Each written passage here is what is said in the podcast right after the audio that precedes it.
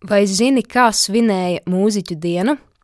Pagājušā gadsimta 20. un 30. gados darbojās Latvijas mūziķu biedrība, kuras mērķis bija apvienot visus Latvijas mūziķus, galvenokārt instrumentālistus, un sekmēt mūziķu organizāciju kopdarbību, aizstāvēt biedru tiesisko un materiālo stāvokli un sniegt viņiem morālu atbalstu, kā arī vispārīgi celt Latvijas mūziķu kultūras līmeni bet vai zini, kā viņi nonāca līdz idejai organizēt mūziķu dienu un kā galu galā to svinēja? Lai reprezentētu mūziķus un biedrību, kā arī lai rastu līdzekļus mūziķu darba aizsardzības fondam, kas bija paredzēts, lai cīnītos ar bezdarbu un konkurenci darba tirgu, tika iecerēts katru gadu rīkot mūziķu dienu, kuras ietvaros notiktu koncerti, priekšlasījumi un citas aktivitātes. Tomēr realitātē mūziķa diena reducējās uz vienu vērienīgu koncertu akciju - apvienoto simfonisko orķestru brīvdabas koncertu. Mūziķu diena Arkādijas parkā notika 1928., 29. un 1931. gadā. Diemžēl nostiprināt šo kā tradīciju neizdevās ekonomiskās krīzes seku iespējām. Šim mūziķa dienas koncertam tika izveidots festivāla tipa orķestris, kas apvienoja mūziķus no trīs lielākajiem tā laika orķestriem, kas darbojās vasaras sezonā - Rīgas radiofona, Rīgas simfoniskā un Rīgas jūrmālas vēlāk ķemeru simfoniskā orķestra.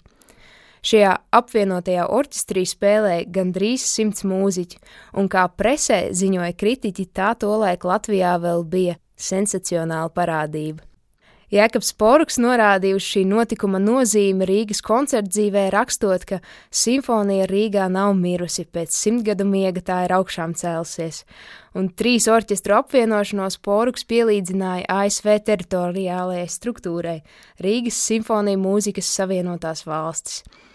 Arī Vidvuds Jurēvičs to vērtēja kā dāvanu simfoniskās mūzikas draugiem, bet kāds cits kritiķis paziņoja, ka šie koncerti savā ziņā ir mūsu baireita. Tomēr daudz recenzenti, tostarp Jēkabs Graubiņš, norādīja, ka simts mūziķi ir vienkārši pilns orķestrs un ka šīs ir tās retās reizes, kad Latvijā tādu varēja dzirdēt. Jāpiebilst, ka visi šī koncerta dalībnieki bija Latvijas mūziķu biedrības biedri, un dalība bija goda vai pienākuma lieta, par to mūziķi atlīdzību nesaņēma.